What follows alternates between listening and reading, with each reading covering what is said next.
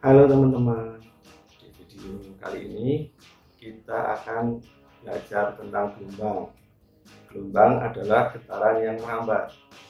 Sebelum mempelajari konsep gelombang lebih mendalam, terlebih dahulu kita pelajari beberapa konsep dasar terkait gelombang, yaitu jenis-jenis gelombang, sifat-sifat gelombang, gelombang berjalan, dan gelombang stasioner. Nah, yang pertama kita akan pelajari jenis-jenis gelombang. Berdasarkan arah rambatan dan arah getarnya, gelombang dapat kita bedakan menjadi dua, yaitu gelombang transversal dan gelombang longitudinal. Gelombang transversal adalah gelombang yang arah rambatannya tegak lurus terhadap arah getaran.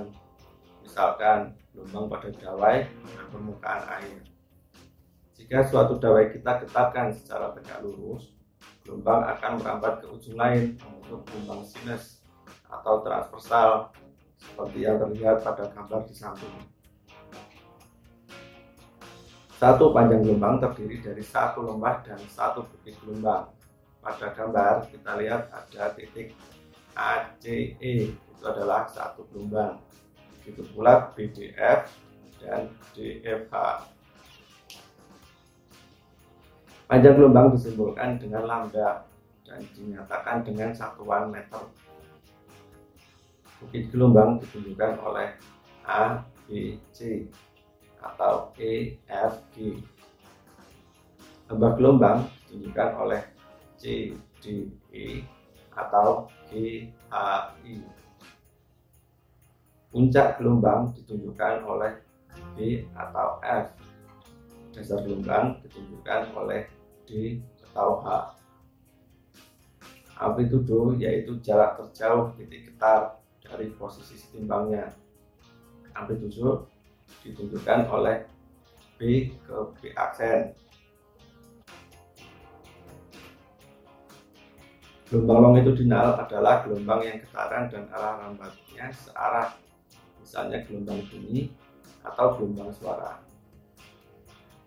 Ilustrasi gelombang longitudinal dapat dilihat pada gambar di samping. Satu gelombang adalah jarak antara rapatan ke rapatan terdekat lainnya atau jarak antara renggangan renggangan terdekat lainnya. Beberapa besaran yang terkait dengan gelombang adalah periode, frekuensi, dan cepat rambat gelombang. Berdasarkan medium rambatnya, gelombang terbagi menjadi dua, yaitu gelombang mekanik dan gelombang elektromagnetik. Gelombang mekanik adalah gelombang yang membutuhkan medium perantara, sebagai contoh gelombang bunyi, gelombang pada tali, dan sebagainya. Gelombang elektromagnetik adalah gelombang yang tidak membutuhkan medium perantara, sebagai contoh gelombang cahaya, gelombang sinar X, gelombang radio dan lain sebagainya. Nah, selanjutnya kita akan membahas sifat-sifat gelombang. Ada beberapa sifat gelombang yang dapat teramati, yaitu refleksi, refraksi, difraksi, dan interferensi. Apa sih bedanya? Refleksi adalah peristiwa pemantulan gelombang oleh suatu zat. Refraksi adalah peristiwa pembiasan atau pembelokan gelombang sebagian. Difraksi adalah peristiwa pelenturan muka gelombang ketika melewati suatu celah atau visi. Interferensi adalah peristiwa gangguan beberapa gelombang yang saling bertemu. Perhatikan sebuah gelombang berjalan yang terjadi pada seutas tali, seperti pada gambar di samping. Misalkan, Gelombang merambat dari titik A ke titik B dengan kecepatan V. Persamaan simpangan P setiap saat dinyatakan sebagai berikut. Y sama dengan A sin omega T min KX di mana K adalah 2pi per lambda sudut fase sama dengan omega T min KX fase sama dengan FT min X per lambda atau fase sama dengan theta per 2pi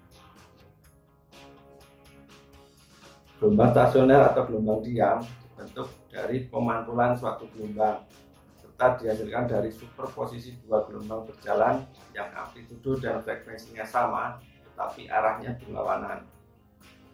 Kecepatan gelombang pada tali adalah V sama dengan akar F per mu dengan rapat massa tali sama dengan M per L Gelombang stasioner memiliki ciri yaitu terdiri atas simpul dan perut.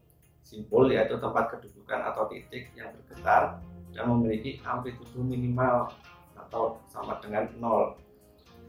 Sedangkan perut yaitu titik-titik yang bergetar dan memiliki amplitudo yang berbeda.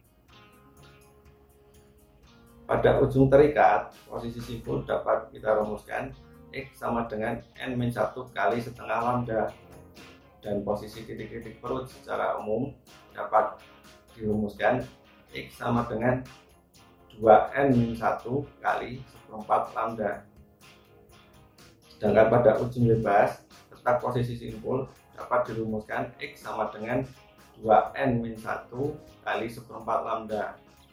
Dan posisi titik-titik perut secara umum dapat dirumuskan X sama dengan N-1 dikali setengah lambda. Nah, disika kan? Sampai jumpa di video pembelajaran selanjutnya ya teman-teman.